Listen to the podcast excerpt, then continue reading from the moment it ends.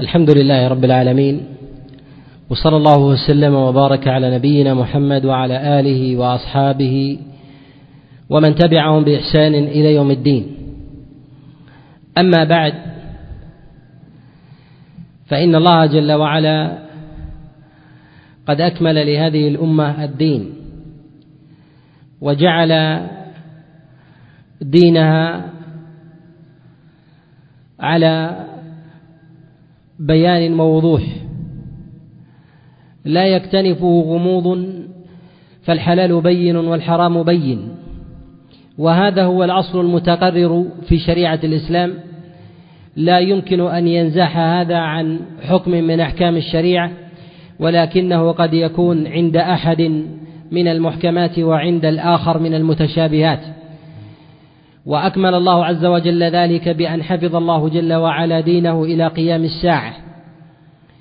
لا تنال لا تناله أيدي العابثين المحرفين إذ حفظ الله جل وعلا كلامه من أن يحرف. إنا نحن نزلنا الذكر وإنا له لحافظون. وحفظ الله جل وعلا هذا الدين بالقائمين به والعاملين عليه من أن ينزاح. عنه الناس الناس جملة فينصرفون إلى غيره. ولهذا قد جاء في صحيح الإمام مسلم أن النبي عليه الصلاة والسلام قال لا تزال طائفة من هذه الأمة ظاهرين على الحق لا يضرهم من خذلهم ولا من خالفهم إلى قيام الساعة. فالدين وهو الكتاب والسنة محفوظ بحفظ الله جل وعلا له وهذا الحفظ كما أنه محفوظ بذاته من جهة النصوص المكتوبة كذلك محفوظ بحفظ القائمين عليه من أن من أن يزيغوا عن منهج عن منهج الله جل وعلا القويم. إلى مخالفة أمر الله سبحانه وتعالى جملة فلا يبقى منهم أحد. ولهذا يقال أن فإن حفظ الشريعة على ضربين حفظ للنصوص وحفظ للأمة من أن تزيغ قاطبة. ومعلوم أنه لا تلازم بين هذا وهذا فكم من الأقوال المدونة لأرباب المذاهب وغيرهم ولكن لا أتباع لأقوالهم وإنما هي مسطرة يتندر الناس بها ويذكرونها على سبيل الاستغراب. أما الإسلام فإن الله جل وعلا قد حفظه بهذين النوعين من الحفظ حفظ النصوص وحفظ القائمين عليه. ولهذا قد كانت الشريعة كاملة من جميع الوجوه والأدلة التي عليها المدار والمناط بالاستدلال في الأحكام الشرعية أصلها ومردها إلى كلام الله عز وجل وكلام رسول الله صلى الله عليه وسلم. ولهذا لا دليل في الشريعة إلا إلا بالوحي وهو كلام الله جل وعلا وكلام رسوله عليه الصلاة والسلام. والأدلة فيما عدا ذلك هي راجعة إليه سواء من جهة الأصل أو من غير الأصل. فما من فما من دليل يذكره العلماء من أدلة من أدلة التشريع إلا وهو راجع إلى كلام الله عز وجل وكلام رسول الله صلى الله عليه وسلم. منها ما يرجع من جهة الأصل.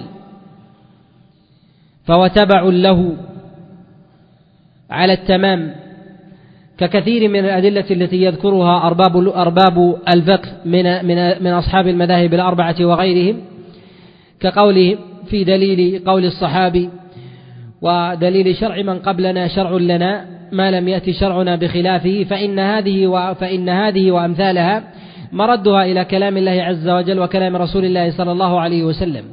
ومن الأدلة ما ترجع إلى كلام الله عز وجل وكلام رسول الله صلى الله عليه وسلم ليس على سبيل التبع من جهة الأصل وإنما من جهة الفرع ككثير من أدلة كأدلة الاستحسان في قضايا الأعيان وأدلة الاستصحاب والمصالح المرسلة وغيرها مما يذكرها مما يذكرها مما يذكرها العلماء وهي ترجع إلى قواعد كلية وكذلك ترجع إلى عمومات الفهوم وترجع كذلك إلى العقل الذي أمر الله عز وجل بالرجوع إليه وربما رجعت إلى غير ذلك من أدلة العرف والعادات وغير ذلك.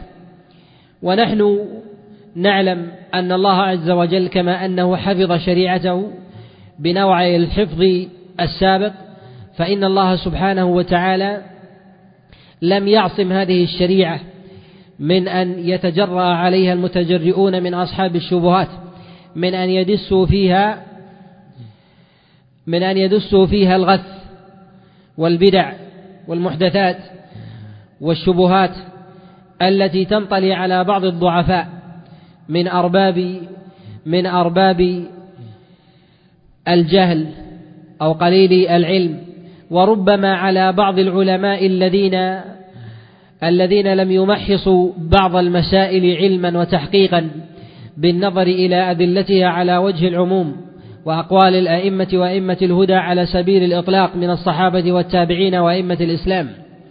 ولهذا كان طالب العلم بحاجة إلى معرفة الأدلة واستقصائها ومعرفة كلام العلماء فيها واستيعاب كذلك الأقوال وأدلة المسائل التي يكثر العلماء من طرحها. ونحن أحوج ما نكون في زمننا هذا إلى معرفة كثير من المسائل والقواعد المتأصلة عند العلماء التي ينصون عليها ومن لم ينص عليها فإنه يعمل بها فتكون حينئذ من جملة القواعد أو الأدلة المتفق عليها عند العلماء قاطبة. ولكن نجد أن العلماء لا يدللون على هذه المسائل من جهة الكتاب والسنة. وذلك لأن الشر لم يظهر في عصرهم في مواجهة أمثال هذه القواعد أو أنهم اكتفوا بذكر الأمثلة المنثورة من فروع الشريعة مما يتعلق بفروع الأصول أو بفروع الفروع الفقهي الفقهية من الأحكام الشرعية التي جاء فيها الكتاب والسنة. اكتفوا بذلك عن إيراد الأدلة والنص عليها في فصول وأبواب مستقلة أو في, أو في مصنفات مستقلة. ولهذا نسمع بين ثينة وأخرى دعوات متنوعة إلى تجديد الشريعة وإثارة كثير من المسائل الشرعية التي يناط بها الكثير من المسائل أو الأحكام التكليفية وإلحاق الحكم بهذه الأدلة الشرعية سواء ما يتعلق بالمصالح المرسلة أو الاستحسان أو الاستصحاب أو الاحتياط وغير ذلك مما مما يجد طالب العلم هذه المسائل أكثر طرحا من إيراد الأدلة عليها وكأنها عند العلماء من المسلمات وهي كذلك. ويشغب ويشوش كثير من المتأخرين على أمثال هذه الأدلة إذا خالف العلماء هؤلاء في بعض المسائل التي تدور مع أهوائهم بإيراد هذه القواعد والأدلة يحاولون نقضها وأنه لا دليل عليها من كلام الله عز وجل أو كلام رسول الله صلى الله عليه وسلم. ولهذا كان طالب العلم بحاجة إلى معرفة القواعد المتفرعة عن الوحيين المنزلين من الله جل وعلا بواسطة جبريل. معرفة الأدلة عليهما ومعرفة كلام العلماء وكذلك معرفة المأخذ والتعريف وحدوده ومعرفة النوازل التي خرج العلماء عليهم رحمة الله تعالى عليها أصولا هي أقوى وأعلى منها ووجوه هذا التخريج وأدلته كذلك.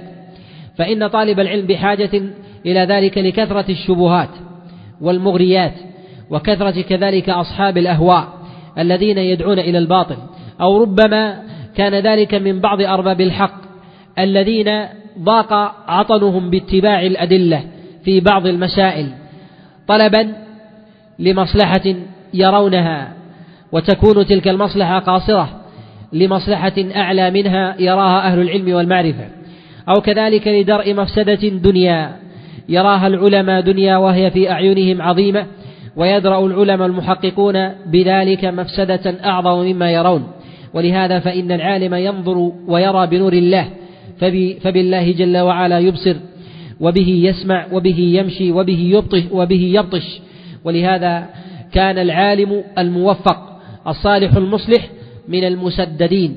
كان من أولياء الله جل وعلا ولهذا من عاداه كان معاديا لله جل وعلا مبارزا له كما جاء في الخبر في الصحيح من حديث أبي هريرة أن النبي عليه الصلاة والسلام يقول قال الله جل وعلا من عاد لي وليا فقد بارزني بالمحاربة ولا يزال عبدي يتقرب إلي بالنوافل حتى أحبه فإذا أحببته كنت سمعه الذي يسمع به وبصره الذي يبصر به ويده التي يبطش بها ورجله التي يمشي بها ولئن سألني لأعطين ولئن استعاذني لأعيذنه.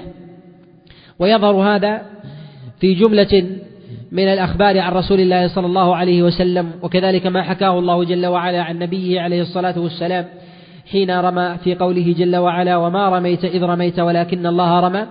أثبت الله جل وعلا لنبيه الرمي ولكن ألحق التسديد والتوفيق لنبيه عليه الصلاة والسلام لكمال الولاية فيه عليه الصلاة والسلام فهو أكثر الناس تعبدا وأحب الخلق لله جل وعلا على الإطلاق. ولهذا كان التسديد في من تحقق فيه تحققت فيه العبودية أكثر من غيره فبالله جل وعلا يسمع وبه يبصر وبه يمشي وبه يبطش وهذا غاية التسديد والتوفيق والإعانة من الله سبحانه وتعالى والكفاية منه منه جل وعلا. ولهذا يفرق بين العلماء المحققين الصادقين الناصحين الذين قرنوا مع العلم العمل وبين العلماء الذين أقاموا الحروف وما, وما أقاموا الحدود في أنفسهم فقل في جانب في جنب الله جل وعلا التعبد وكذلك التفريط في حق الله سبحانه وتعالى في كثير من الأعمال التي أمر الله عز وجل بلزومها فخالفوها وفي كثير من المنهيات التي نهى الله جل وعلا عن إتيانها فاقترفوها فكان معرفة العالم الحق بمعرفة إدراكه وإحاطته لعلوم الشريعة وكذلك معرفة معرفة إحاطته بالعمل بها فإن العلم يدعو إلى العمل. فإن فإن أجابه يعني العمل وإلا ارتحل ذلك العلم يعني ارتحل من صاحبه فبدأ يضمحل شيئا فشيئا فلم يبقى معه إلا ذكر سالف. فإن أعظم ما يرسخ العلم لدى العالم هو العمل الذي الذي يلتزمه بالتزام حدود الله جل وعلا بالامتثال للأوامر واجتناب واجتناب النواهي. من الأدلة التي يذكرها العلماء في التشريع وهي بحاجة إلى إلى تبيين وتقرير وذكر الأدلة وكذلك الأحوال وتعريفات العلماء العلماء عليهم رحمة الله تعالى لها. مسألة الاحتياط أو قاعدة الاحتياط في الدين وضوابط وضوابط هذه وضوابط هذه المسألة وكذلك المسائل النوازل التي يذكرها العلماء عند ذكرهم عند ذكرهم لأمثال هذه القواعد. يذكرون جملة من النوازل ومن أراد أن يلتمس أمثال هذه القاعدة عند العلماء الأوائل يجد قلة التصنيف في ذلك والندرة. وربما كان القاصد لأمثال هذه المسائل يعوز إعوازا شديدا في معرفة طرائق العلماء في سلوك هذه القاعدة حتى يكون من أهل السبر والتدقيق بمعرفة كتب العلماء وإدامة النظر فيها. وكذلك يظهر هذا في إدامة النظر في كتب النوازل والفتاوى ومعرفة طرائق العلماء في الاستدلال لأمثال هذه القواعد. قاعدة الاحتياط بالدين هي قاعدة قاعدة معتبرة.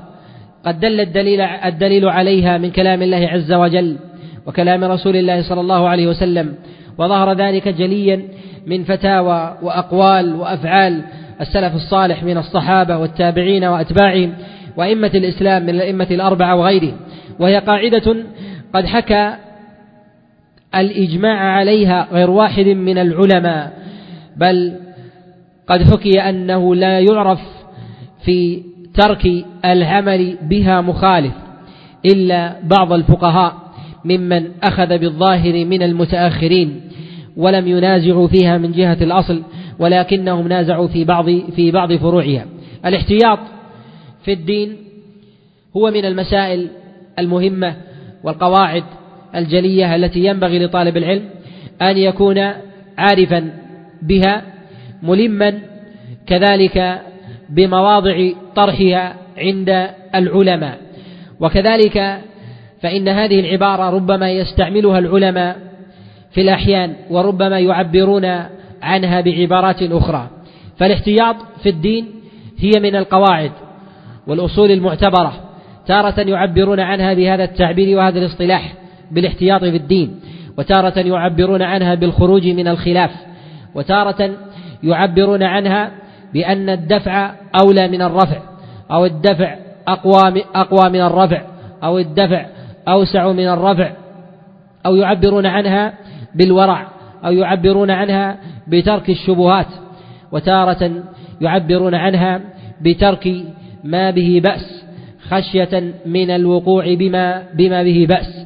وبعض العلماء يفرق بين هذه الإطلاقات في بعض الوجوه وإن كانت متداخلة متداخلة من جهة الأغلب فثمة تشابه كبير بين الاحتياط وبين الورع فإن الورع هو أصل ظاهر في الدين وكذلك الاحتياط يظهر دخوله كما كمدخل الورع في قول النبي عليه الصلاة والسلام كما جاء في الصحيح من حديث أبي فروة عن عامر بن شرحيل الشعبي أن النعمان بن بشير قال قال رسول الله صلى الله عليه وسلم الحلال بين والحرام بين وبينهما أمور مشتبهات لا يعلمهن كثير من الناس فمن اتقى الشبهات فقد استبرأ لدينه وعرضه ومن وقع في الشبهات فقد وقع في الحرام كالراعي يرعى حول الحمى يوشك أن يواقع ألا وإن لكل ملك حمى ألا وإن حمى الله حمى الله محارمه. قوله عليه الصلاة والسلام الحلال بين والحرام بين وبينهما أمور مشتبهات الحلال بين والحرام بين هذا من جهة الأصل في عموم في عموم أتباع الشريعة المحمدية أنه لا يوجد شيء مشتبه على الإطلاق على سائر الخلق. وهذا كما أنه في أحكام الشريعة على وجه العموم كذلك ينزل على سائر سائر نصوص الوحي من كلام الله عز وجل وكلام رسول الله صلى الله عليه وسلم. فإنما يكون متشابها فإنما يكون من المتشابهات عند عالم من العلماء يكون من المحكمات عند العالم الآخر. فإذا كان عند عالم من العلماء الأمر متشابها وجب عليه أن يرجع إلى غيره. فربما كان من المتخصصين في باب من الأبواب ولكن يشتبه عليه الكثير في بعض الأبواب. فإن الإحاطة لا تكون لأحد لأحد من الخلق. وكذلك أيضا فإن المتشابهات لا بد من وجودها في الأعيان من الناس فإذا وجدت وكانت كذلك فإن هذا موضع إعمالها عند العلماء في مسألة في مسألة الاحتياط ومسألة الورع. لهذا ألحق العلماء هذه المسائل بأصول متعلقة بالاعتقاد وهي الخوف والرجاء والمحبة. فإن الإنسان يتقلب بين هذه الأمور فأمره مصاحب لمحبة الله جل وعلا على الدوام لا تنفك عنه. فإن من عبد الله عز وجل بالمحبة وحدها فقد تزندق ومن عبد الله جل وعلا بالخوف فقط فإن هذا مسلك الحرورية. ومن عبد الله جل وعلا بالرجاء وحده فإن هذا مسلك المرجئة. ولهذا المؤمن الحق الذي يسلك منهج محمد صلى الله عليه وسلم متقلب بين هذه بين هذه المنازل بين الرجاء والخوف ومصاحب على قدر واحد في باب في باب المحبة. ولهذا ينبغي للمؤمن على استقامة حاله أن يعرف مقامه بين الخوف والرجاء حتى يعرف مقامه في مسألة الاحتياط ومسألة الورع. فإن الإنسان في مقام الخوف والرجاء على ثلاثة مراتب. المرتبة الأولى أن يكون مقدما للخوف على الرجاء وهذا في, موا... في وهذا في موضع الشبهات. إن اشتبه على الإنسان أمر من الأمور واشتبه عليه حكم من الأحكام فإنه يغلب جانب الترك للمتشابهات. وهذا هو الأحوط له في دينه وهذا ظاهر ودليله قوله عليه الصلاة والسلام فمن اتقى الشبهات فقد استبرأ لدينه وعرضه والتقوى هنا أن يترك الإنسان ما اشتبه عليه إلى ما استبان من شريعة الله. ولهذا قد جاء في الخبر من حديث سعيد عن عمر قال من وقع في الشبهات فلا يلومن إلا نفسه. يعني فيما يحل عليه من عقاب الله عز وجل إذا وقع فيما استبان من المحرمات. أو فيما استبان في تركه للواجبات أو إذا وقع الناس في عرضه كما في قوله عليه الصلاة والسلام فمن اتقى الشبهات فقد استبرأ لدينه وعرضه فإن اتقاء الإنسان للشبهات يجلب له السلامة في الدين والعرض. السلامة في الدين أن يدع الواضح البين فإن الإنسان إذا اعتاد اعتاد ترك المتشابهات فإنه فإن ذلك يجلبه إلى ترك المستبين من الأمور المحرمة. وإن تجرى على المتشابهات جره, جره ذلك إلى الوقوع في الواضحات البينات من المحرمات. وكذلك في العرض فإنه أسلم من أن يقع الناس في عرضه فإن الناس يقعون في عرض الإنسان الذي يقع في, في, في الشبهات. فإن سلم مرة فإنه لا يسلم مرة أخرى. الحالة الثانية أن يكون مقدما لجانب الرجاء على الخوف وهذا يكون عند المرض المخوف إذا كان الإنسان في مرض مقعد أو على فراش الموت مما لا يستطيع معه العمل فإنه ينبغي للإنسان في مثل هذه الحال أن يكون مغلبا لجانب الرجاء لا لجانب الخوف. وذلك أن الإنسان إذا غلب جانب الخوف وتليت عليه آيات الوعيد والحث على العمل وكذلك النصوص من كلام رسول الله صلى الله عليه وسلم. وكانت حاله لا يستطيع معها العمل جره ذلك إلى القنوط من رحمة الله. وحينئذ وحينئذ ربما أيس من رحمة الله جل وعلا وعاند وكابر ومات على الكفر والعياذ بالله. فإنه في مثل هذه الحال ينبغي أن يغلب جانب الرحمة والرجاء فتتلى عليه آيات الرحمة وآيات النعيم. من كلام الله جل وعلا وكلام رسول الله صلى الله عليه وسلم. الحالة الثالثة أن يكون الإنسان متوسطا بين الرجاء والخوف وهو في استقامة أمره. لا يغلب جانب الخوف على الرجاء ولا جانب الرجاء على الخوف فإنه في مثل هذا. في مثل هذه الحال. يكون حاله ومقامه بالنسبة للخوف والرجاء كحال الجناحين للطائر. إن اختل أحدهما وصح الآخر سقط وإن صح استقام استقام طيرانه كما جاء ذلك عن غير واحد عن غير واحد من السلف. وليعلم أن قاعدة الاحتياط في الشريعة التي يذكرها العلماء في مصنفاتهم سواء في مصنفات في كتب النوازل أو كتب الأصول هي من القواعد المتفق عليها عند الأئمة الأربعة كمالك أبي حنيفة وأحمد والشافعي بل أن بعض العلماء قد نص على أن العلماء قاطبة قد عملوا بذلك كما نص على هذا الجصاص عليه رحمة الله من أئمة الحنفية بل قد نص على ذلك الإمام الشاطبي عليه رحمة الله وجعل ذلك أصلا من أصول من أصول الشريعة. ولما كانت أو كان هذا الأصل وكانت هذه القاعدة من القواعد التي تشتبه على بعض العلماء. أو بعض طلاب العلم كان اشتباهها على كثير من العامة أو أنصاف المتعلمين أظهر. فخلطوا بين هذه القاعدة وبين قواعد أولى بالأخذ منها. ولهذا يقال إن العالم الحاذق الذي يعرف الذي يعرف خير الخيرين وشر الشرين وليس العالم الحق. الذي يعرف الخير من الشر فإن معرفة الخير من الشر يعرفها أوساط الناس ومتوسط المتعلمين ولكن معرفة مراتب الخير ودرجاته ومعرفة مراتب الشر ودرجاته فربما كان الخير بينه وبين أدنى مراتبه بون شاسع مما يدعه الإنسان لدرء مفسدة وربما وربما يرتكب الإنسان فعل خير مع وجود مفسدة دنيا فيه فإن الخير درجات والشر دركات وليس كلها يدخل تحت قاعدة جلب المصالح وليس كلها يدخل أيضا تحت درء المفاسد فإن الشريعة كما أنها جاءت بجلب المصالح وتكميلها ودرء المفاسد وتقليلها قد جاءت كذلك بتنمية الخير ومعرفة مراتبه وتقديم الخير العظيم على الشر اليسير. الخير منه ما يتعلق بالإنسان بنفسه ومنه ما يتعلق بالأمة بالأمة كافة. ولهذا مراتب ووجوه يأتي بيان بيان صور منها.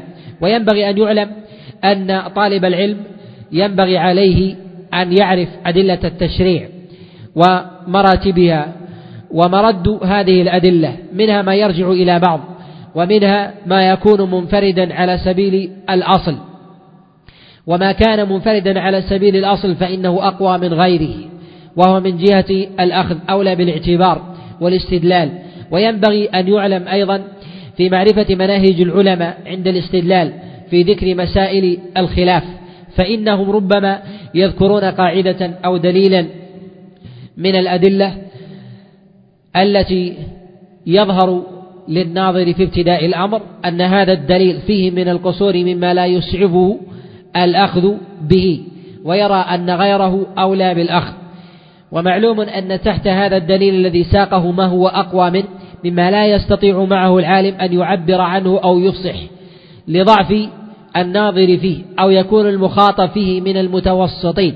أو يكون ذلك من العامة عند الإفتاء خاصة فيعلق ويناط الحكم بما هو أدنى إذا كان أيسر لفهم السابع ويهمل ويغفل ما هو أقوى وأظهر من الأدلة ويظن السامع والناظر مما هو ليس من أهل الخطاب في مثل هذا الموضع أن أن هذا الدليل الذي استدل به لأمثال هذه المسائل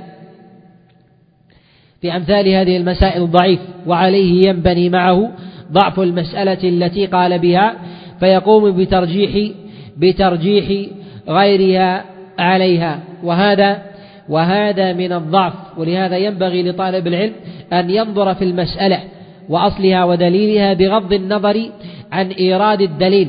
ثم أن بعض العلماء يقصر فهمه عن دليل أظهر عند الترجيح ويورد دليل ويورد دليلا هو أدنى من ذلك.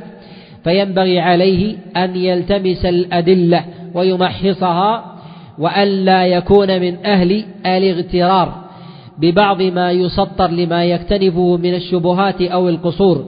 ثم ليعلم أيضا أن كثيرا من العلماء يريدون بعض المسائل في كتب النوازل أو ما يتعلق في المسائل الفقهية ويريدون الأدلة عليها مما استحضروه من نصوص التشريع. ويكون الذي يعضد هو أصل قد استقر في الذهن الإفصاح عنه صعب كمسألة القياس فإنه يستلزم معها ذكر العلة ووجه إلحاق الفرع بالأصل. بينما لو أورد دليلا ضعيفا على سبيل الاختصار في هذه المسألة النازلة كان كافيا لبيان ذلك للعامة. فإذا نظر المتخصص في أبواب النقد والتعليل في أمثال هذه المسألة ظن أن العالم استدل في أمثال هذا الحديث الضعيف على تلك القاعدة الأصلية أو تلك المسألة. فظن أن هذا القول مرجوح لأن متعلقه دليل ضعيف فمال إلى ترجيح إلى ترجيح غيره ولم ينظر إلى الأدلة الأخرى. لهذا ينبغي لطالب العلم إذا نظر في الأدلة أو الأصول الفرعية أن ينظر إلى ما هو أعلى منها وأن يكون محيطا محيطا بها. ولهذا نجد أن العلماء عليهم رحمة الله يذكرون كثيرا من مسائل من مسائل الدين فيما يتعلق في الفروع ويريدون ويريدون قواعد في الدين كمسألة الاحتياط في الدين أو يريدون ما هو أدنى من ذلك الاستدلال بقول الصحابي أو الاستدلال بقول التابعي أو يذكرون بعض الأحاديث الضعيفة والذي يعضد عند التحقيق ما هو أولى أولى من ذلك كالقياس الجلي أو قياس الأولى وغير وغير ذلك من الأدلة التي تنقدح في أذهان في أذهان العلماء العارفين. لهذا وخاصة في مسألتنا هذه فيما يتعلق في مسألة الاحتياط أو مسألة الخروج من الخلاف أو مسألة الورع أو الدفع أولى من الرفع. ينبغي لطالب العلم أن يكون محيطا بالضروريات وهذه الضروريات في الدين التي جاء الإسلام بحفظها وهي الضروريات الخمس وهي حفظ الدين وحفظ النسل وحفظ الدم وحفظ وحفظ العرض وحفظ المال. قد جاء الشرع بحفظ هذه الضروريات. فينبغي لطالب العلم أن يكون ضابطا لهذه الضروريات قبل دخوله قبل دخوله في كثير من القواعد التي من جهة الأصل ترجع إليها من جهة القوة والضعف ومن جهة الرجحان. فكثير من قواعد التشريع نجد أن فيها تداخلا كمسألة المصالح المرسلة وكذلك مسألة الاستحسان ومسألة الاحتياط ومسألة سد الذرائع وكذلك مسألة الخروج من الخلاف وهي داخلة في في موضوعنا في موضوعنا هذا. نجد أن فيها من التداخل ما فيها وتخرج في كثير من المسائل. فمسألة سد الذرائع ينظر فيها إلى إلى المقاصد وينظر فيها كذلك إلى الوسائل. ومسألة الاحتياط في الدين قبل تقريرها ينظر فيها إلى الوسيلة وكذلك ينظر إلى المآل. فمن غلب النظر إلى الوسيلة فإنه ربما يقع في ترجيحه قصور. وكذلك من غلب النظر في المآل يقع في ترجيحه قصور ما لم يوازن بين بين الوسائل والمقاصد فينبغي أن يكون عالما بأمثال هذه المقاصد. ثم ينبغي عليه أن يكون عارفا بما حث الشارع على جلبه. مما يتعلق مما يتعلق بمصالح العباد. فمصالح العباد لا تخرج من من ثلاثة أنواع. النوع الأول ضروريات والنوع الثاني حاجيات والنوع الثالث تحسينيات. وهذه الثلاثة لا تخرج عنها عنها مصالح العباد. فليس لأحد أن يخرج في مسألة من المسائل في أبواب الاحتياط وخروجه يهدم يهدم ضرورا من ضرورا من الضروريات أو ينظر في في تحسين من التحسينيات ويهدم في ذلك حاجة من حاجات العباد. وعليه ينبغي أن يحفظ الضروريات وأن يحفظ مصالح العباد ومراتبها.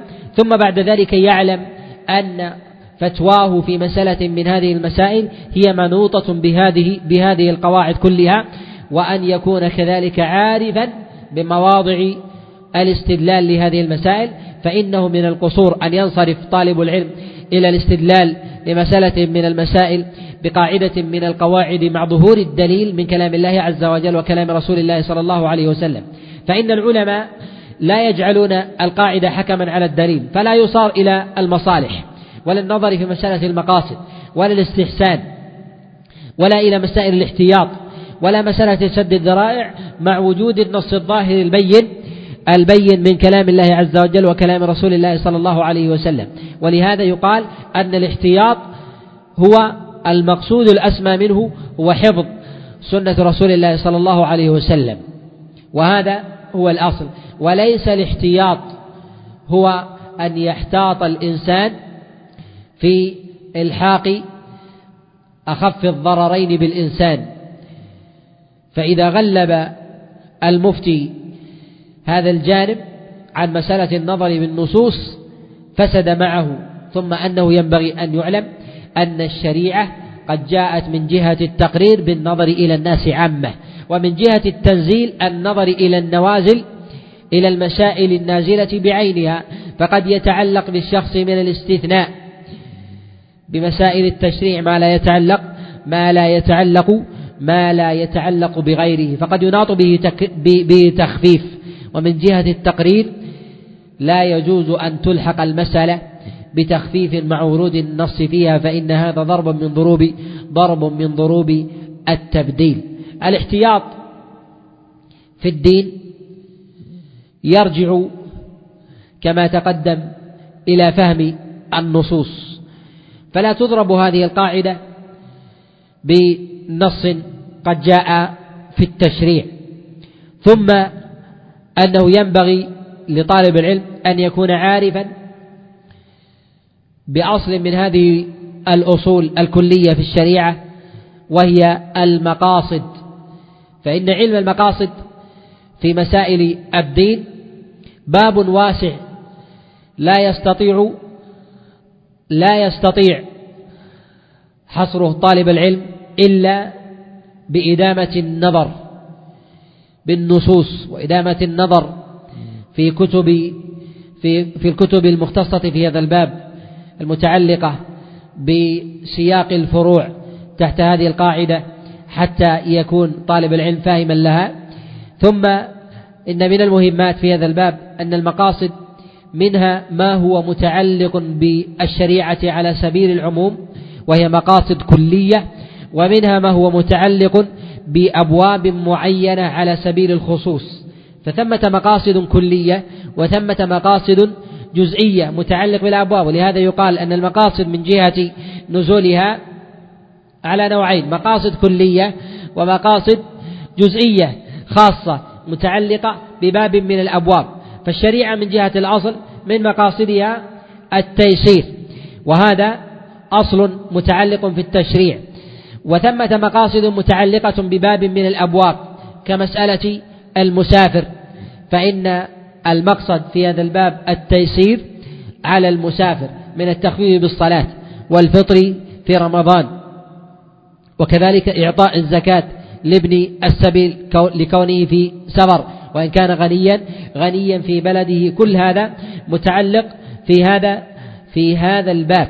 ونجد أيضا في أبواب البيوع ما ثمة مقاصد هي متعلقة به من جهة الأصل تستثني القاعدة الكلية وهي أصل التيسير. فإن من القواعد في البيوع منع الجهالة والغرر والتشديد في هذا لأنه يفضي إلى التنازع والخصومة. إذا فهذا مقصد خاص بأبواب بأبواب البيوع. يغلب على المقصد الأصل وهو الذي جاء في التشريع وهو التيسير. فلا ينبغي أن يهدم هذا الأصل الذي جاء التشريع التشريع بحفظه. ولهذا نهى رسول الله صلى الله عليه وسلم عن بيع الغرر ونهى عن بيع الجهالة ونهى عن كثير من صور البيوع التي يتعامل بها أهل الجاهلية كبيع المخابرة والمزابنة والمنابذة وبيع الحصات وذلك لوقوع الجهالة فيها والغرر فإن هذا أمر متعلق متعلق بباب من الأبواب. فينبغي لطالب العلم مع إحاطته بالأصول الكلية أن يكون محيطا أيضا بالأصول المتعلقة بباب دون دون باب. فنجد أن تغليب التيسير في أبواب كمسألة المسافر والتشديد في مسألة الاحتياط في أبواب البيوع.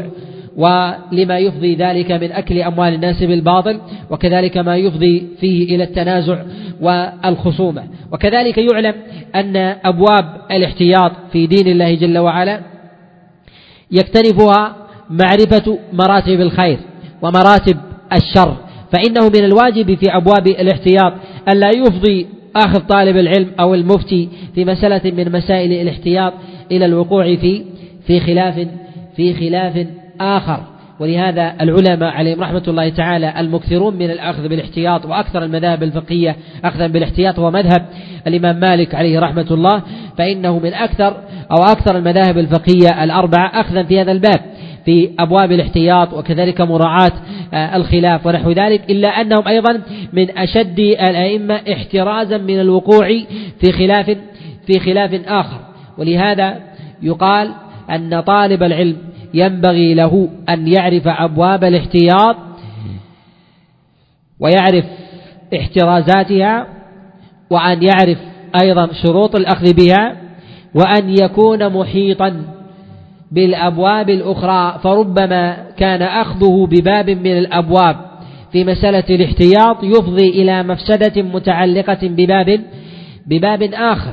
ولهذا يقال أن المصالح وكذلك حاجية الناس تتنازع وهي وهي على مراتب.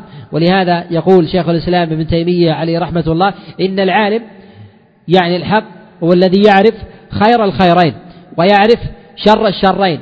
فربما أراد الإنسان أن يدع الشر فيقع فيما هو أشر فيما هو أشر منه وربما يقصد الوقوع في خير فيفوت ما هو ما هو أظهر منه. كالذي يدع الجهاد في سبيل الله مع أئمة الجور دفعا لتكثير سوادهم والوقوع تحت ظلهم وأن هذا ضربا من ضروب من ضروب طاعتهم وعدم استحقاقهم للولاية وتركهم للجهاد في وترك هؤلاء الجهاد في سبيل الله تعطيل لأصل عام قد دل الدليل عليه وقد قصد مصلحة هي دون ذلك فوقع في الأمة المفسدة وكذلك في من ترك الصلاة خلف أئمة الجور. الذين وقعوا في الضلال والفسوق والفجور دفعا لتكثير سوادهم وهو بذلك يفوت أصلا عظيما متعلق بركن من أركان الإسلام وهو تشريع الجماعة وتكثير السواد عند أعداء الله جل وعلا فيقع في ذلك فيقع مع ذلك بالمخالفة مخالفة مخالفة أمر الله جل وعلا ويقع في ويقع كذلك في تنزيل الدليل فيما فيما ليس هو بمحله فيخالف في أخذه بمعرفة مراتب الشر وكذلك مراتب الخير.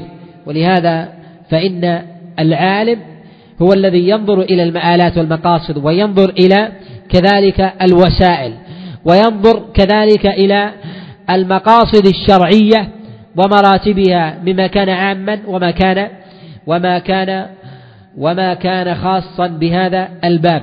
فلكل باب من أبواب الفقه خصيصة تتعلق به. ولكل باب من أبواب الفقه باب ربما يخالف يخالف غيره فيه. فمن الأبواب ما يغلب فيه جانب الاحتراز والاحتياط والتشديد كما في أبواب الربا.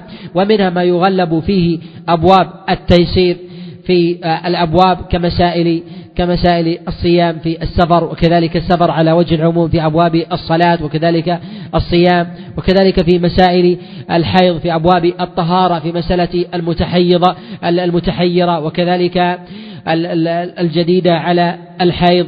وهي يسميها العلماء المبتدئة. وكذلك المستحاضة على وجه العموم جانب التيسير فيها أكثر من غيرها. ومن الأبواب ما يحتاط فيه قدر الإمكان كمسائل النكاح ومسائل الطلاق. ومنها ما يتداخل فيه فيه آه، ما تتداخل فيه الأبواب في مسألة الاحتياط والتيسير كمسائل كمسائل الطلاق. هل يحتاط في مسألة وقوع الطلاق أو لا يحتاط فيه؟ ثمة تنازع في هذا في هذه الأبواب ويأتي الكلام على جملة من هذه المسائل حتى حتى تتضح. العلماء عليهم رحمة الله في استعمالهم لهذا الأصل وهو أصل الاحتياط يتباينون من جهة الأخذ به وإن كانوا يتفقون فيه وكما تقدم العلماء في تعريفهم لهذا الأصل واستعمالهم له على تنازع في المصطلحات وهو كما هو ظاهر في مدلوله في لغة العرب أن الاحتياط مأخوذ من الحوط وهو أن الإنسان يحيط نفسه من لحوق من لحوق الأذى الأذى فيه وهو كذلك في حق المفتي أن يقول المفتي بقول لا يلحقه به ذلك بذلك أذى وهو أن يدع الشبهات. ومنهم من يعرفه كالإمام القرافي وكذلك ابن القيم عليه رحمة الله من أنه ترك ما به بأس خشية من الوقوع بما بما ترك ما لا بأس به خشية من الوقوع بما به بأس وهو الورع. ومنهم من يجعله رديفا للورع بجميع صوره وهو ترك الشبهات الظاهرة في حديث النعمان بن بشير السالف. وله مترادفات قد تقدم الكلام عليها كالخروج من الخلاف وكذلك آه، الورع وكذلك الدفع أولى أو أوسع أو أقوى من من الرفع وكذلك ربما يلحقه بعض العلماء ببعض الأصول المتقررة في مسألة سد الذرائع فإن الإنسان يأخذ بالاحتياط خشية من ورود ذريعة ذريعة على على الإنسان. والإحتياط عند العلماء على نوعين احتياط بالخروج من خلاف السنة. والنوع الثاني الاحتياط بالخروج من خلاف العلماء. وأقوى ذلك وأظهره الاحتياط بالخروج من خلاف السنة. فإن السنة إذا ثبتت عند الإنسان حرم عليه المخالفة بالفتوى فإن هذا يقتضي تبديلا. وأما من جهة الفعل فإنه ينظر في ذلك إلى إلى التكليف. فإن كان الترك يقتضي التحريم كان بذلك آثما. وإذا كان يقتضي آه، الاستحباب كان فيه مكروها على على اختلاف وتباين وجوه وجوه التكليف في الأمر الذي الذي تنزل به النازلة. ومسألة مراعاة الخلاف لها شروط عند العلماء. يأخذون بها وينص على هذا من جهة النص أكثر العلماء الذين يعتدون بأمثال هذه المسائل. وكما تقدم هم أكثر من يأخذ بهذا القول مسألة الاحتياط ومراعاة الخلاف. هم الأئمة الفقهاء من من المالكية عليهم عليهم رحمة الله. يشترطون في مسألة مراعاة الخلاف شروطا. الشرط الأول ألا يفضي هذا إلى خلاف آخر يوقع الشخص فيه ويكون هذا الخلاف مماثل له أو هو أعلى وأقوى منه. فإن الإنسان يأخذ بالاحتياط حتى يخرج ويسلم له دينه فلا يقع فيما هو فيما هو مثله. فإذا أدى إلى ما هو أقوى منه فإن الورع أن يحتاط الإنسان إلى ما هو أمثل. ولهذا فلهذا قد تقدم أن العالم الحق هو الذي يعرف مراتب الشر ويعرف أيضا مراتب مراتب الخير حتى يكون حتى يكون أكثر الناس توقيا توقيا في هذا في هذا الباب. ولهذا فإن الإنسان في هذا الباب إذا عرف مراتب الخلاف يعرف القوي منها من الضعيف وما لا يفضي إلى إلى خلاف آخر وما لا يفضي وهل الخلاف الآخر معتبر أو ليس معتبر هذا يرجع فيه إلى العالم. والشرط الثاني ألا يفضي ذلك إلى ترك السنة. فإذا ثبت السنة فإنه لا يجوز لأحد لا يجوز لأحد أن يأخذ أن يأخذ بالاحتياط. فيقول أخذ بالاحتياط مع ظهور الدليل عن رسول الله صلى الله عليه وسلم. وهذا كما جاء في مسألة رفع اليدين في الصلاة. فإن هذا من السنة كما في تكبيرة الإحرام. وكذلك أيضا في بقية في بقية المواضع. من الركوع والرفع من الركوع وكذلك الرفع من السجدتين. فإن هذا قد دل فيه الدليل عن رسول الله صلى الله عليه وسلم. لا نقول بالأخذ بالاحتياط لأن بعض الفقهاء من الحنفية يقولون ببطلان الصلاة برفع اليدين في بعض المواضع. فنقول خروجا من الخلاف أن يقول الإنسان محافظا لصلاته وصلاته صحيحة بالاتفاق إذا ترك وصلاته فيها خلاف. فعل يقال شريطة ألا يخالف ذلك سنة ظاهرة عن رسول الله صلى الله عليه وسلم والسنة الظاهرة في ذلك ما ثبت فيه الدليل عن ابن عمر عن النبي عليه الصلاة والسلام في أمثال في أمثال هذه المواضع. ويقال أن الخلاف في ذلك أن الخلاف في ذلك ليس ليس بمعتبر. الشرط الثالث أن يكون الخلاف مأخذه مأخذه ظاهر والخلاف الذي الذي ليس له مأخذ ظاهر فإنه لا يعتد لا يعتد لا يعتد به. وهذا كمسألة كمسألة الفطر في في السفر. فإن الشارع قد دل الدليل عنه بالترخيص للمسافر بالفطر على خلاف عند العلماء في أيها في أيها أفضل. ولا يعتد بالقول الذي هو ضعيف المأخذ كقول داود الظاهري في أن من صام وهو مسافر فإن صيامه فإن صيامه باطل. وهذا قول ضعيف ولا يعتد بهذا القول حتى يغلب المفتي جانب الاحتياط في هذا فيقال ينبغي للإنسان ألا يصوم ألا يصوم في سفره تغليبا لجانب الاحتياط والإحداث في دين الله عز وجل. فيقال أن هذا أن هذا ليس ليس من الخلاف الذي هو قوي المأخذ لمخالفته الصريحة للدليل ومخالفته كذلك لعمل السلف وهذه من الصحابة الصحابة والتابعين. وعلى سبيل العموم فإن الاحتياط في الدين له له صور ينبغي لطالب العلم أن يكون أن يكون ملما أن يكون ملما بها. الصورة الأولى أن يكون أخذه بالاحتياط يفضي إلى تصحيح العمل عند سائر المذاهب. وهذا يصير إليه طالب العلم شريطة ألا يخالف ألا يخالف دليل. فإذا خالف الدليل اهتز اهتزت هذه الصورة. فإذا كان العمل يفضي إلى صحة إذا العمل بهذه القاعدة يفضي إلى صحة العمل عند سائر الأقوال مما لا يخالف دليلا عن رسول الله صلى الله عليه وسلم ولا يكون تاركا للسنة فإن الاحتياط في ذلك لا حرج على طالب العلم أو المفتي أن يأخذ أن يأخذ بذلك. ولهذا صور كثيرة في الشرع. من هذه الصور ما جاء في مسألة غسل يوم الجمعة.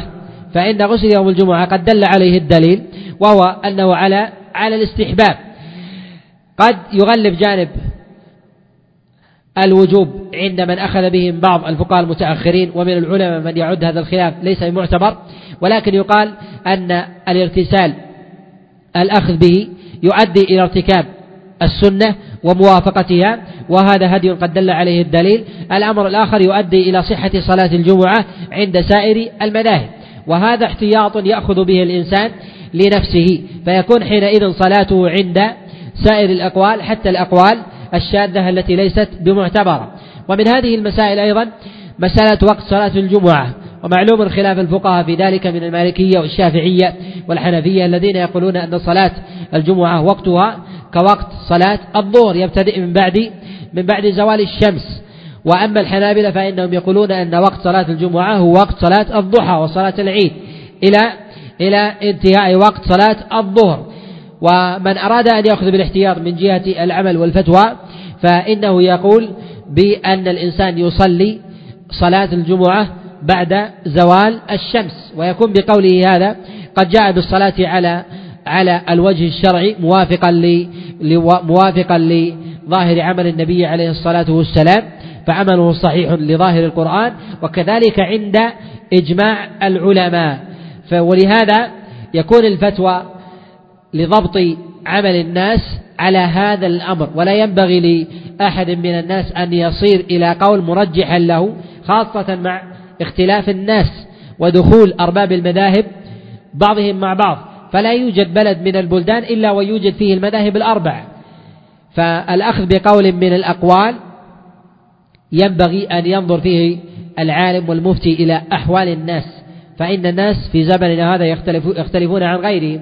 فإن في زمننا هذا يصلي في صلاة الجمعة في المسجد الواحد يوجد الحنفي يوجد الهنود ويوجد ممن هم من شرق آسيا من الدول المتنوعة منهم على مذهب أبي حنيفة وكذلك الأتراك على مذهب أبي حنيفة ويوجد أيضا من أهل مصر على مذهب الشافعي ويوجد أيضا من أهل المغرب والجزائر وغيرهم من هم على مذهب الإمام مالك عليه رحمة الله ويوجد أيضا في المسجد الواحد من الحنابلة وغيرهم الذي ينبغي للعامل أن يخرج من الخلاف حتى تصح الصلاة على على الجميع.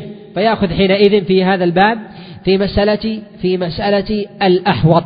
ومن الصور وهي الصورة الثانية التي ينبغي لطالب العلم أن تكون حاضرة هذه الصور عند أخذه لها.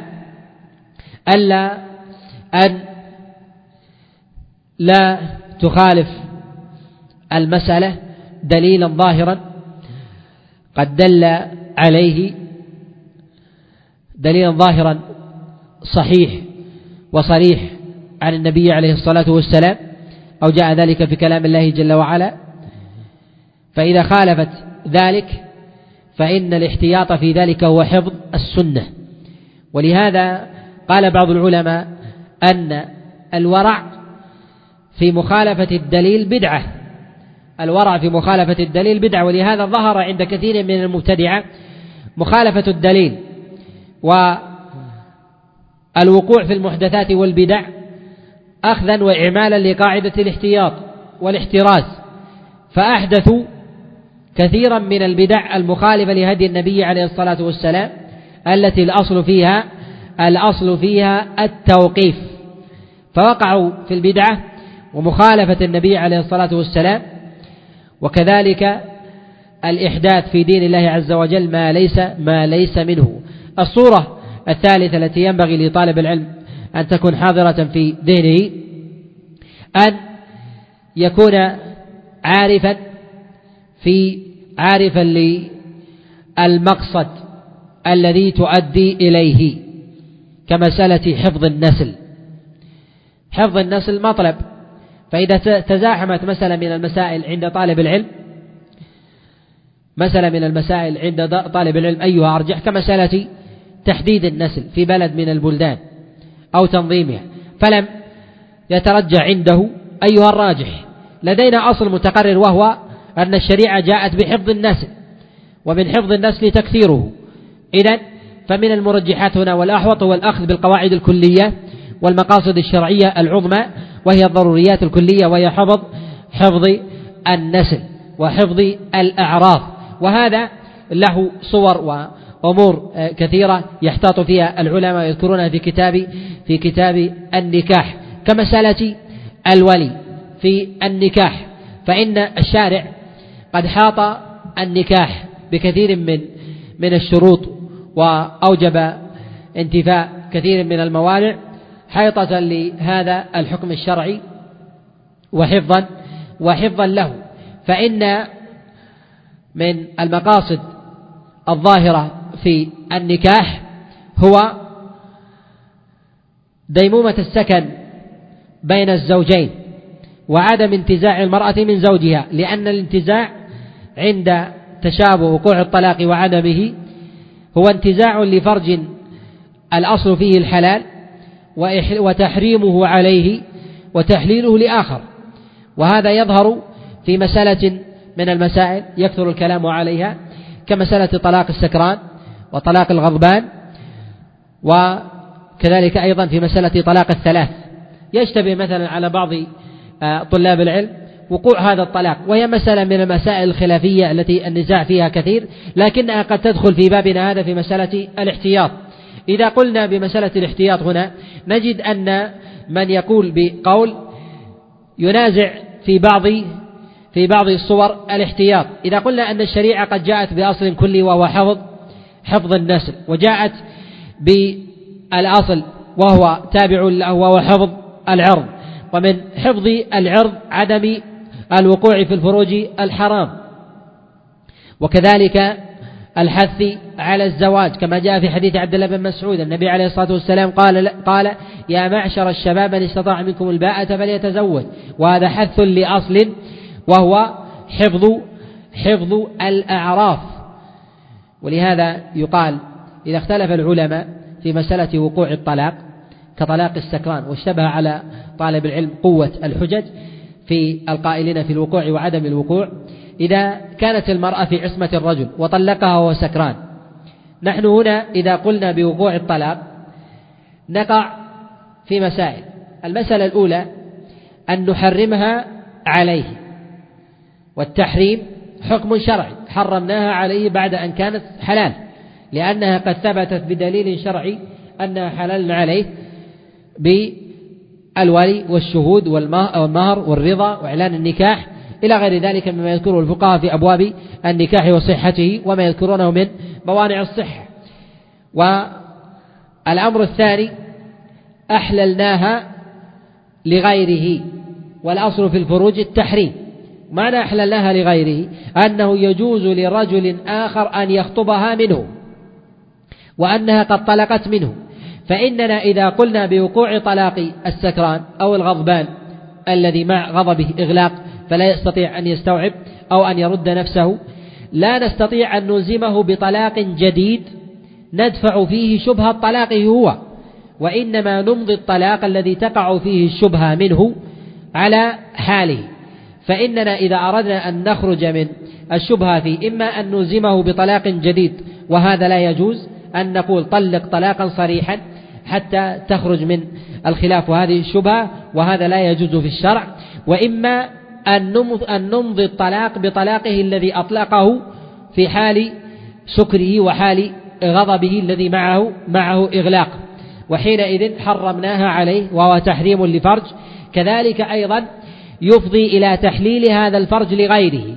وربما أفضى لمفسدة أخرى أنه يجوز له أي الرجل أن يتزوج أخرى كالمعدد الذي عنده أربع فإنه إذا طلق الرابعة وكان بشبهة جاز له أن يتزوج أخرى رابعة أخرى فتكون في حال الاشتباه خامسة وهذا محرم. وعند الإحلال له وعدم إيقاع طلاقه نجد أننا أبحناها له وهي حرام عليه. ولكن عند الميزان أيها أعظم أن نحل فرج لشخص وهو حرام عليه أو نحل فرج لشخص آخر وهي حرام عليه مع تحريمها على شخص آخر احتمال أن تكون مباحة له واحتمال أن يتزوج غيرها وهي حرام عليه. الاحتياط في أي جانب؟ في الإيقاع أو عدمه؟ الإيقاع أو العدم؟ الاحتياط في عدم إيقاع طلاق السكران وكذلك الغضبان إذا كان معه إغلاق. ولهذا هذا أيضا يظهر في مسألة في مسألة النكاح. يذكر العلماء في أبواب النكاح في مسألة الشرط الشرط في النكاح. العلماء يقولون الأصل في النكاح هو الديمومة والأصل البقاء وقدر الإمكان أن يبقى الزوجان مع بعضهما وأن لا يفرق بينهما لأن الشارع قد احتاط لدخول المرأة على زوجها بشروط متعددة من آكد هذه الشروط إذن الولي فإن المرأة تتصرف بمالها ولو بلغ مثاقيلا أو ملايينا من الذهب والفضة ولكنها لا تستطيع أن تزوج نفسها. لماذا؟ لأن الفرج قد حاطه الشارع بسياج منيع.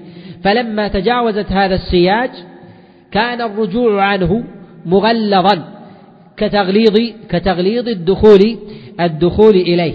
ولهذا العلماء ينظرون في كثير من المسائل ويرجحون ويرجحون خلاف ما يفضي إلى التفرقة بين الزوجين لأن التغليظ في الخروج كالتغليظ في الوصول إلى إلى فرج المرأة. ولهذا العلماء يذكرون جملة من المسائل كمسألة شرط شرط الولي.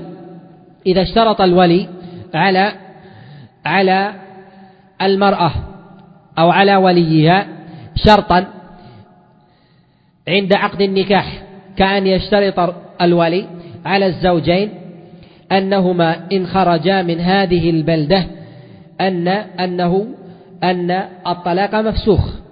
كأن يقول الوالي لمن تزوج ابنته أزوجك ابنتي شريطة ألا تخرج من الرياض أو لا تخرج من مكة أو لا تخرج من المدينة. فإن خرجت من بلد التي أقيم فيها أريد بنتي أن تكون عندي. فإن خرجت فالطلاق مفسوخ. وإن خالف الشرط وتراضيا على هذا الشرط هل شرط الولي ملزم أو لا؟ اختلف العلماء في هذه المسألة. جمهور العلماء لا يرون هذا الشرط ويرون أنه يجب عليه أن يفي مروءة لكنه لا يقتضي فساد النكاح لأن الاحتياط البقاء. ولو قلنا بفساده للزم, للزم جملة من المفاسد وهي المترتبة بعضها على مسألة طلاق السكران والغضبان والأصل في ذلك أن تبقى النكاح على ما هو على ما هو عليه. فأخذنا بالاحتياط في هذا في هذا الجانب. ومن ذلك أيضا احتياط العلماء في مسألة الإيجاب والقبول عند النكاح. فإن العلماء يحتاطون في ذلك أن يقول الرجل زوجتك ابنتي فيقول قبلت أو أنكحتك ابنتي وينصرفون عن بقية ألفاظ ألفاظ الإيجاب والقبول مما مما هو ليس بصريح احتياطا وحفظا وحفظا للفروج وتغليظا لها. ولهذا يقال أن المرأة لا تخرج من عصمة زوجها إلا بشيء ظاهر بين على سبيل الاحتياط. ولهذا العلماء يفرقون بين ألفاظ الطلاق بين الصريح والكناية. فثمة ألفاظ صريحة وثمة كناية. فالكناية يرجع فيها إلى النية والصريح يؤخذ فيها يؤخذ فيها في الظاهر عند التخاصم جلبا للاحتياط والاحتراس. وأما عند عدم التخاصم فإنه يرجع فيها إلى النية. فإذا طلق الرجل امرأته قال أنت طالق وقال أني ما قصدت المرأة ما قصدت زوجتي وإنما وإنما قصدت غيرها. وقال رجل آخر أني سمعته قد قال لامرأته أنت طالق وهو صاحب الدعوى فإنه لا يقبل إلا قوله ويرجع فيه إلى نيته. حفظا حفظا للفروج واحتياطا لها من أن تحل لغيره وتحرم عليه ويتبع ذلك من مفاسد من المفاسد ما من المفاسد ما يعلم. وثمة صور كثيرة ينبغي ينبغي لطالب العلم أن يتتبعها في كتب الفقه وبأنواعها من الطهارة والصلاة وكذلك الزكاة وكذلك في الحج وغير ذلك. ومن الصور المهمة التي ينبغي أن تكون حاضرة في دين طالب العلم في أبواب الاحتياط أن يكون في الاحتياط إبراء لذمة لذمة الفاعل أو التارك. كمسألة الاحتياط في مسائل الحج فإن الحج ركن من أركان الإسلام. ركن من أركان الإسلام. والتفريط فيه تفريط في هذا الركن وثلم له ولهذا ينبغي للعامل أن يحتاط لعمله. والاحتياط في عمله أن يأخذ ما يصح به فعله على على الأقوال على الأقوال كلها. فإذا كان قوله أو فعله يؤدي إلى صحة عمله على سائر الأقوال فإن الأحوط في ذلك أن يأخذ بهذا القول وأن يغلب جانب الاحتياط على جانب الترخص. ومن الصور وهي الصورة الرابعة في هذا الباب ألا يؤدي القول بالاحتياط إلى مفسدة ظاهرة. فإذا أدى إلى مفسدة ظاهرة فإنه لا يجوز الأخذ به. كأن يؤدي ذلك إلى مفسدة مفسدة شق صف الناس كمسألة عدم صلاة الجماعة خلف أئمة الجور أو ترك الجهاد تحت راية أئمة الجور فإن في هذا تعطيل لأمر أعم وأعظم وآكد وهو الجهاد في سبيل الله وتعطيل تعطيل أيضا للجمع والجماعات فإن هذا مفض إلى إلى مفسدة إلى مفسدة وتفويت مصلحة أعظم. وإذا أفضى إلى تفويت مصلحة عظمى كالصلوات أو أدى إلى مفسدة عظمى فإنه لا يقال بالأخذ بالاحتياط مما يفضي إلى مفسدة إلى مفسدة أعظم من أعظم من الأخذ بالاحتياط كمسألة المستحاضة فإن المستحاضة المتحيرة أو المبتدئة يشكل عليها أمرها. وإذا قلنا بأن الدم يبقى عليها احتياطا من أن تؤدي الصلاة وهي محرمة عليها أو تدخل المسجد أو تطوف بالبيت وهي على حالها ونحو ذلك فقلنا الأصل أن يبقى عليها حيضها. قد يؤدي ذلك إلى مفسدة إلى مفسدة أعظم من ذلك. ومن هذه المفاسد في هذا منها تعطيل فرجها عن زوجها مما يؤدي إلى وقوع الفواحش فإن من النساء من يطول حيضها من يطول استحاضتها ما يبقى أياما طويلة وأسابيع تخالف تخالف العادة. فإذا قلنا أنه إذا استمر دم, دم الفساد عن المرأة فإن زاد عن عادتها قلنا بأنه دم فساد. فإذا كانت متحيرة حملناها على عادة نسائها فتتحيض ستة أيام وسبعة أيام. أو كما تحيض أغلب نساء بلدها. فإذا كان أغلب نساء البلد تحيض ستة أيام أو سبعة أيام فإنها تحيض هذه المدة. وما عدا ذلك نأخذ بالاحتياط. والاحتياط هنا هل تمتنع عن الصلاة أو تؤدي الصلاة؟ فإن هذا لا يخلو من مفاسد. إن قلنا بأنها تؤدي الصلاة أدت الصلاة وحفظت الركن العظيم من أركان الإسلام. الأمر الثاني أبحنا وأحلنا وأحللنا لها الفرج وفي ذلك دفع وفي ذلك دفع لمفسدة من أن ينصرف زوجها إلى غيرها. كذلك إحصانا لفرجها فإن النساء يتأذين من دوام الاستحاضة في فروجهن وامتناع الأزواج من إتيانهن خشية أن يكون ذلك حيضا. فيقال أن الاحتياط في ذلك أن تصلي وتطوف ويأتيها زوجها. وأما إذا امتنعناها من ذلك كله في ذلك مصلحة واحدة وهي أنها تدع الصلاة وفي ذلك مجانبة لطريقة أهل البدع وامتثال لهدي النبي عليه الصلاة والسلام. وما عدا ذلك ليس في ذلك مصلحة وإنما درء درء لمفاسد. ويقال في هذا الاحتياط أن العلماء يرجحون أو بعض العلماء يرجح أن العادة العادة مقدمة عند المرأة فإذا كانت عادتها ستة أيام تقدم العادة. وإذا تعارض التمييز مع العادة أيها يغلب؟ يغلب جانب الاحتياط. فإن المرأة تارة تكون صاحب عادة صاحبة عادة وتكون تارة صاحب صاحبة تمييز وليست بصاحبة عادة وهذه المتحيرة وتارة تكون مبتدئة ليس لها عادة وليس لها تمييز. فأيها يؤخذ يؤخذ بهذه كله في باب الاحتياط. وهذا يظهر في من لها عادة وليس لها تمييز يؤخذ بعادتها ومن لها تمييز وليس لها عادة يؤخذ بجانب الاحتياط بالرجوع الرجوع إلى عادة نسائها إذا طال بها المدة وإلى تمييزها إذا لم يطل, به يطل بها المدة والمبتدئة كذلك التي تبتدئ بحيضها يؤخذ بعادة أهل نسائها. إذا قالت المرأة أنا أحيض لأول مرة الآن ينزل في الحيض ولا أدري متى ينتهي. واستمر معي الآن دخلت عشرة أيام. يقال ارجعي إلى أمك وأختك كم كانت تحيض؟ إذا قالت أمي تحيض خمسة أيام. نقول أمسكي خمسة ثم صلي وصومي وما عدا ذلك الاحتياط أن تصلي وتصومي وتأتي بما حرم بما حرم عليك. ومن الصور في هذا الباب أيضا في قول الله جل وعلا ولا تقربوهن حتى يطهرن. وهذا في مسألة المرأة الحائض. إذا حاضت المرأة ثم انقطع دم حيضها فإن المرأة في مثل هذه الحال لا تخلو من حالين الحالة الأولى أن يأتيها زوجها قبل غسلها أن يأتيها زوجها بعد بعد غسلها. إن أتاها زوجها بعد غسلها كان ذلك هو السنة بالاتفاق.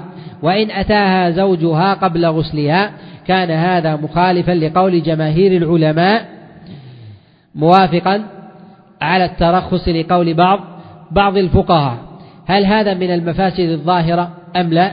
هذا متنازع على خلاف عند العلماء في في إلحاق هذه الأمور فيها ولكن يقال في مثل هذا أن فيها في هذا خروج من الخلاف والخروج من الخلاف أن تغتسل المرأة فورا ويأتيها زوجها بعد ذلك وأما إتيان زوجها قبل ذلك مع تيسر الغسل فيه فيه مصادمة لقول جماهير العلماء وكذلك لظاهر الدليل فإن الدليل ذكر التطهر في موضعين حتى يطهرن ثم قال فإذا تطهرن يعني أن انقطاع الدم شيء ثم تطهرها بالغسل شيء آخر مما يدل على أنه ينبغي للإنسان أن يحتاط أن يحتاط في نفسه. وهذا يجمع بين الأمرين مخالفة الدليل في ظاهره وكذلك مخالفة ما كان عليه أكثر العلماء وهذا من وجوه الترجيح عند العلماء الذي ينبغي لطالب العلم أن يكون حاضرا في ذهنه فيعرف ما عليه جمهور العلماء عما عليه عما عليه القلة. وكذلك أن يتبع ما يصح فيه القول على سائر عند سائر أرباب أرباب المذاهب.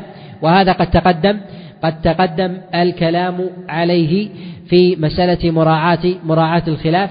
أنه ينبغي لطالب العلم أن ينظر في المسألة فيما يصح عند عليه القول في عند بعض العلماء وما يصح عليه القول عند عند العلماء قاطبة. وينبغي أن يعلم أيضا أن الأبواب تتباين في هذا الباب وتتنازع وينبغي لطالب العلم أن يكون حاضرا ينظر إلى الأدلة في هذا الباب على وجه الخصوص وأن يكون حاضرا في ذهنه المقاصد الكلية والمقاصد الخاصة في هذا الباب ربما تخالف المقصد الأصلي وأن ينظر أيضا إلى طرق الترجيح عند العلماء. العلماء عليهم رحمة الله تعالى طرق للترجيح في المسائل وهذه الطرق تختلف منها ما ينظرون فيه إلى الأصول العامة إلى الأدلة الأدلة من الكتاب والسنة والأدلة من القياس وكذلك الإجماع وكذلك أيضا قول الصحابي وكذلك المصالح المرسلة والاستحسان والاستصحاب والاستحسان الأخذ بالأحوط وغير ذلك من الأدلة التي يذكرها العلماء في أبواب في أبواب الأصول تكون حاضرة عند عند طالب العلم. ومنها أيضا ما لا ينص عليه على وجه التأصيل وإلا ما يذكره العلماء استطرادا كمسألة النظر في, في الأكثر. مسألة النظر في الأكثر من يقول بهذه المسألة من وجوه الترجيح أن يكون عارفا بأكثر العلماء القائلين بهذه المسألة هذا من وجوه الترجيح وليس قطعي فإنه قد يترجح لطالب العلم ويظهر لديه الدليل. فلا يجوز أن أن ينحاز عن الدليل إلى قول الأكثر فإن لا عبرة بقول أحد مع ظهور الدليل. عند عند طالب العلم. وأظهر القائلين في هذا الذين لهم حظ من النظر والهيبة هم السلف الصالح الصحابة فالتابعين فأتباعهم ويقل اعتبار الأقوال والأكثر شيئا فشيئا إلى القرون المتأخرة فإن للإجماع وكذلك جماهير العلماء هيبة في نفوس في نفوس العلماء عند ترجيحهم ترجيحهم لي ترجيحهم للأقوال. ومسألة الأخذ بالأحوط كما أن لها أخذ عند العلماء في أبواب الفقه كذلك لها أخذ عند العلماء في سائر الأبواب في أبواب اللغة وكذلك في أبواب الحديث في أبواب التعليل الجرح والتعديل الأخذ بالإحتياط في الجرح بالراوي وكذلك عند ورود العلة يغلب يغلب كثير من العلماء جانب الإعلال بالإرسال على الوصل وجانب الإعلال بالوقف على الرفع وجانب الإعلال بالانقطاع عن الاتصال وغير ذلك فيحتاطون في هذا الباب. والاحتياط هو من جهة الأصل أصل آه، قد أخذ به العلماء واحتجوا به ولم يخالف في ذلك فيما أعلم من جهة بعض فروعه لا كله إلا ابن حزم الظاهري عليه رحمة الله فإنه قد قال في كتاب الإحكام أن أن الأخذ بالاحتياط على سبيل التحريم والتحليل هو قول محدث ومبتدع ولكن الاحتياط قول حسن يقول هكذا ولكن يرى أنه لا يقال بالتحريم ولكن يميل الناس إلى الأخذ به من غير إلزام فيقال الأفضل في ذلك ولكن لا ينص على أن هذا يحرم وهذا يجب. هذا هو الفرع وهذه الصورة هي التي خالف فيها ابن حزم جماهير العلماء الأئمة الأربعة والأئمة الأربعة يرون أنه يجوز للمفتي أن يقول يحرم ويجب في أبواب الاحتياط. وأما ابن حزم الأندلسي يرى أنه يقال أنه يستحسن أو الأفضل أو الأولى ولكن من غير نص وذلك أنه يرى أن الأصل في ذلك هو الرجوع إلى ظاهر كلام الله عز وجل وكلام رسول الله صلى الله عليه وسلم وليس هو الباب هذا هو الأوحد الذي يخالف فيه ابن حزم الأندلسي في هذا الباب فيخالف في مسألة سد الذرائع ومسألة المصالح المرسلة وغيرها من المسائل كذا كمسألة الاستحسان ومسألة العلة والحاق الحاقها بالفرع كمسائل القياس في القياس في قياس المثل أو قياس التساوي وهو يأخذ بقياس الأولى.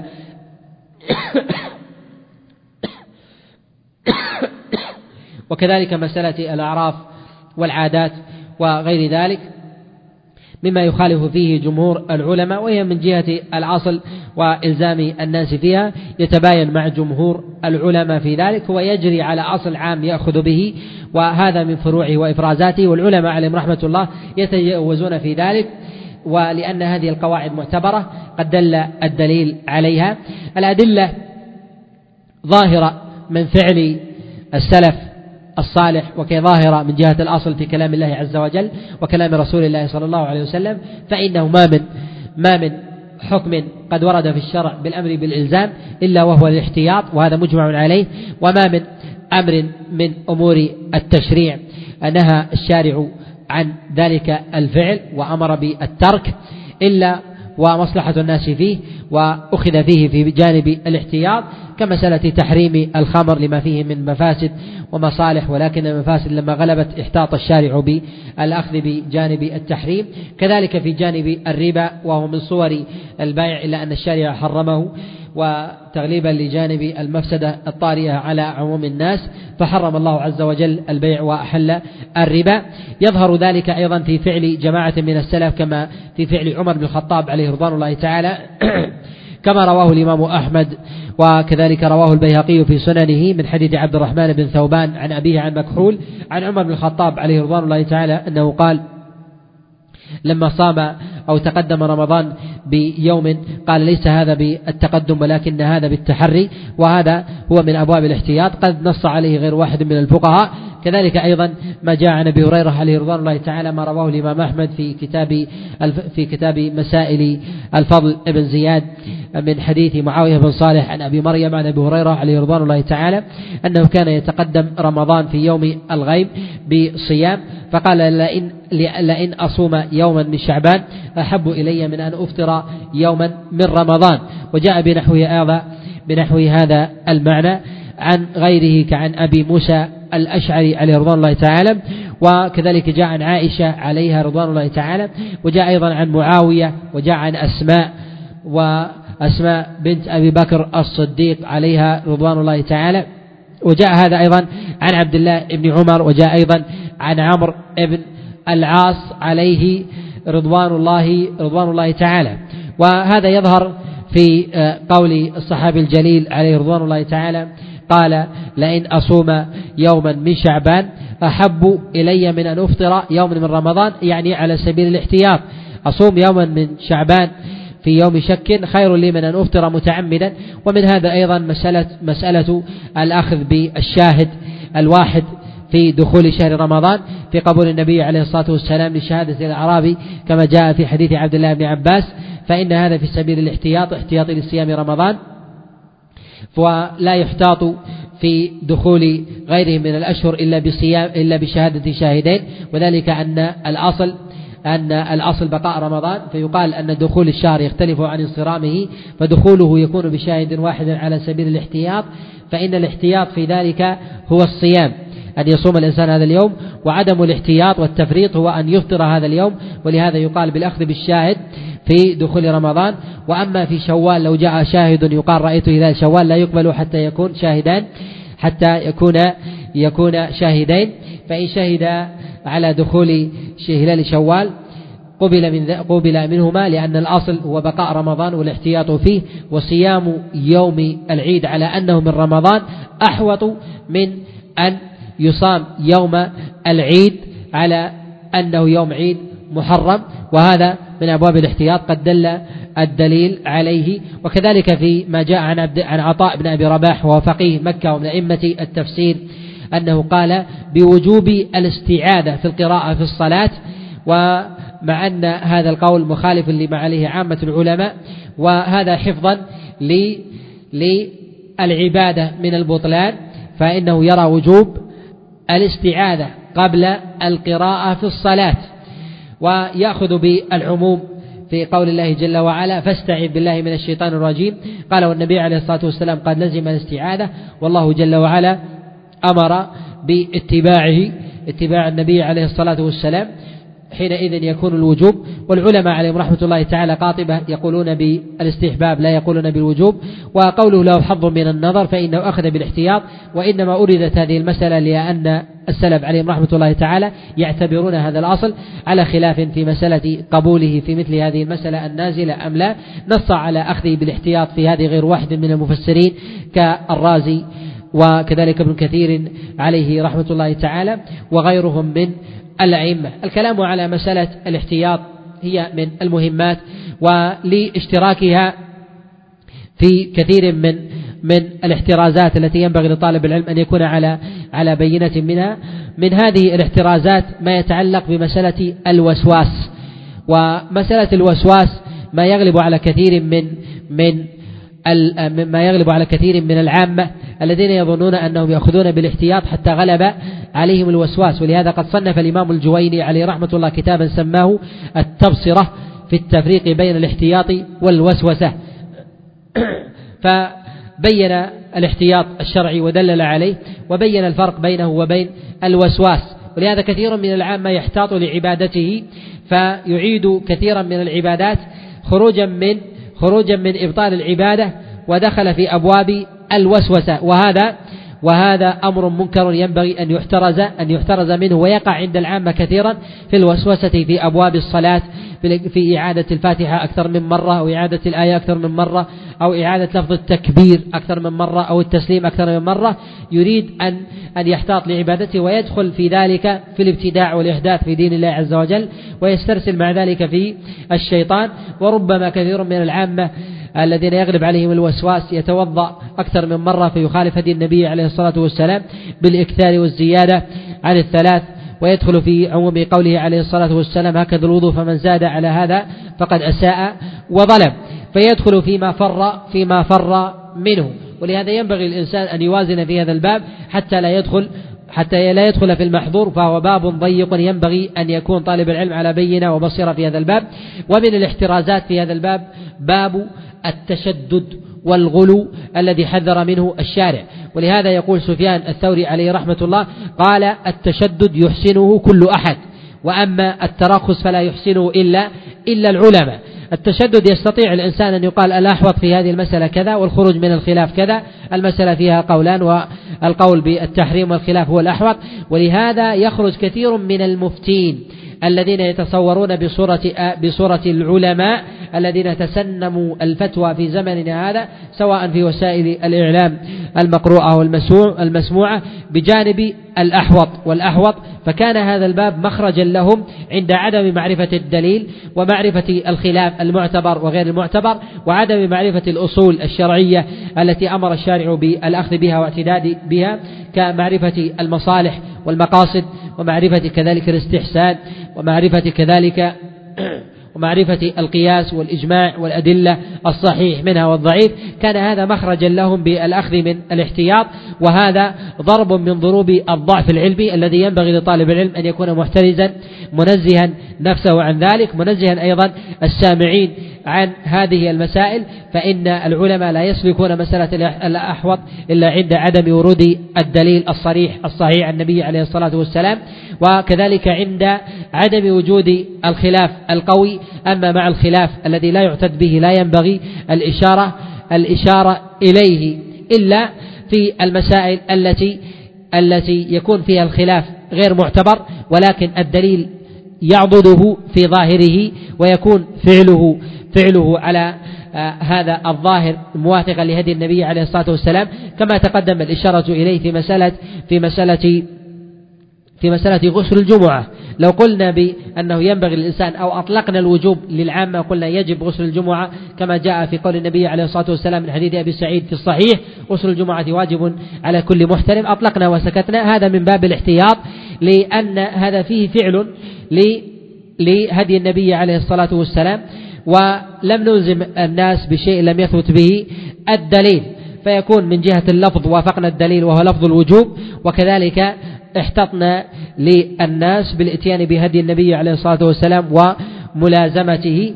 والأصل الأهم في هذا الباب هو أن يكون طالب العلم على بينه موافقا لهدي النبي عليه الصلاة والسلام وهذا لا يكون إلا لطالب العلم العارف بالأدلة عارف بالأصول الشرعية العامة وبقسميها ما يرجع إلى الدليل وكما تقدم أن الأدلة الشرعية من جهة لحوقها بالأدلة الأصلية تختلف من جهة اللحوق أصالة أو بالإختلاف. الأدلة الأصلية أربع الكتاب والسنة والإجماع والقياس هي الأدلة الأصلية وهي أصول الأدلة عند العلماء. ما عداها من الأدلة؟ منها ما يرجع أصالة إلى الأدلة من كلام إلى هذه الأدلة الأربع ومنها ما لا يرجع إليها أصالة وإنما يرجع إليها اختلافا. ما يرجع إليها أصالة كقول شرع من قبلنا شرع لنا ما لم يأتي شرعنا بخلافه. التدليل على هذه القاعدة أن هذا الشرع لا بد التماسه من الكتاب والسنة. إذا المرجع هو الكتاب والسنة وثبوت ذلك. ومنها قول الصحابي. قول الصحابي من جهة الأصل لا بد أن يعتضد بشيء. أن يعتضد بقياس أن يعتضد بدليل ولو ضعيف النبي عليه الصلاة والسلام بظواهر القرآن. ومنها ما لا يرجع إلا ما لا يرجع أصلا أصالة في ذلك. وكما كمسائل كمسائل الاستحسان وكذلك مسألة الاحتياط في هذا الباب. وإنما ترجع في الأصول العامة التي دل عليها التي دل عليها الدليل في هذا. الكلام على مسألة الاحتياط مما يطول جدا والإسهاب فيه مما مما يثقل على مسامع على مسامع آه، السامعين أو الحاضرين ولكثرة فروعه وصوره وتشعب مسائله والإطناب في ذكره لا لا يفيد في أمثال هذه المجالس لأن هذه المسألة أو هذا الأصل يحسن فيه تصنيف مستقل وثمة مصنفات في هذا الباب منها كتاب التبصرة في التفريق بين الوسوسة بين الاحتياط والوسوسة للإمام الجويني عليه رحمة الله وكتاب أيضا في الاعتبار في الاحتياط في للإمام محمد بن محمود الشافعي وهو من أئمة الشافعية الأزاهرة وهو قد جمع في هذا الباب جمعا لا بأس به وذكر الأدلة في هذا الباب وثمة جملة من المصنفات أيضا لجماعة من المتأخرين يحسن الرجوع إليها. وبهذا التفصيل وهذا القدر كفاية ونجيب عما ورد من في المسائل من المتعلق في هذا الباب. هنا يقول هل التصوير عبر هذه الآلات من المشتبهات وما موقف المسلم منها؟ هي التصوير من المتشابهات. قد يغلب جانب قد يغلب جانب على جانب. قد يؤخذ بالاحتياط في موضع ولا يؤخذ به في موضع. ويتورع منه الإنسان في موضع ولا يتورع منه في موضع بحسب المآلات والمقاصد والمفسدة المترتبة عليه.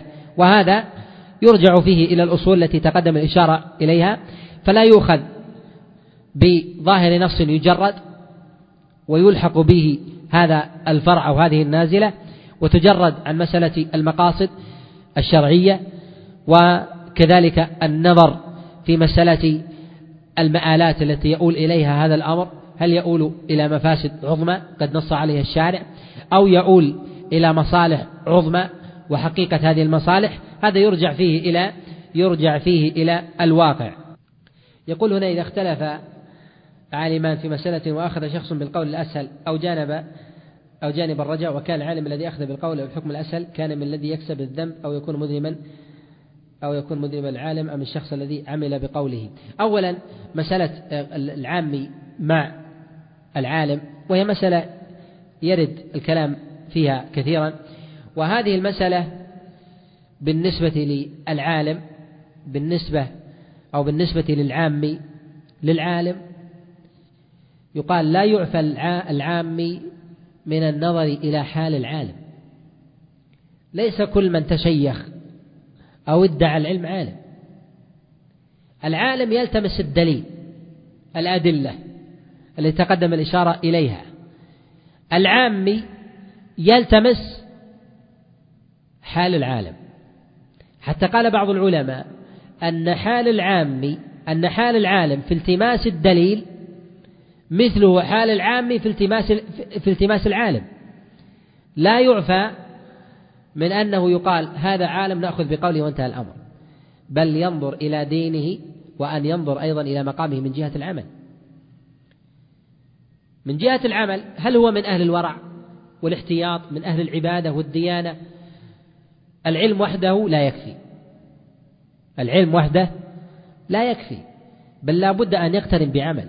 فإذا كان العالم مفرطا بنفسه مقل من العبادة في أمر الله عز وجل مخالف للأدلة وليس بصاحب عبادة فكيف يأخذ في المتشابهات ويفتي ويفتي بالاحتياط أو الورع؟ ولهذا ينبغي للعام أن يتفحص حال العالم. هل تفحصه أن يتتبع ويصبر حاله في كل مرة؟ لا. يسأل عنه. أحوال الناس تنقل. ينظر إليه من حال العبادة. في حاله من جهة العمل. هل هو من من المكثرين بالعبادة والديانة ونحو ذلك؟ هذا أقرب إلى الأخذ بالصواب. فإذا اقترن العلم والعمل كان هذا من من المرجحات. ولا يقال أن العام يأخذ ما شاء ما يشتهي. من كلام المفتين فإن هذا يفضي إلى إلى كثير من المحظورات. بعض المسائل لا تعلق لها بموضوع الباب. يقول هنا هل يؤخذ بالحديث الضعيف في الأحكام الاحتياط هذه المسألة كما ذكرنا أنها أيضا تدخل في أبواب في أبواب الحديث ولكن غلبنا الجانب الفقهي. نعم الإمام أحمد عليه رحمة الله يأخذ بالحديث الضعيف يصير الضعف في الاحتياط بل يأخذ في قول الصحابي ويأخذ أيضا بقول التابعي في الاحتياط. في مسألة آه، صحة العبادات وكذلك آه، فعل المكروه وكذلك في في الآداب في كراهة التنزيه. وكذلك بعض الفقهاء من الشافعية وظاهر فعل الإمام مالك عليه رحمة الله. وقد نص عليه الإمام النووي عليه رحمة الله في مقدمة كتاب الأذكار. يقول هنا في يسأل عن الدعاء الوارد في في سجود التلاوة. لا يثبت في ذلك شيء عن النبي عليه الصلاة والسلام في سجود التلاوة. الحديث منقطع وقد عله الدار قطني وغيره ويسبح كسائر السجود ويدعو وفي هذا القدر كفاية وصلى الله وسلم وبارك على نبينا محمد.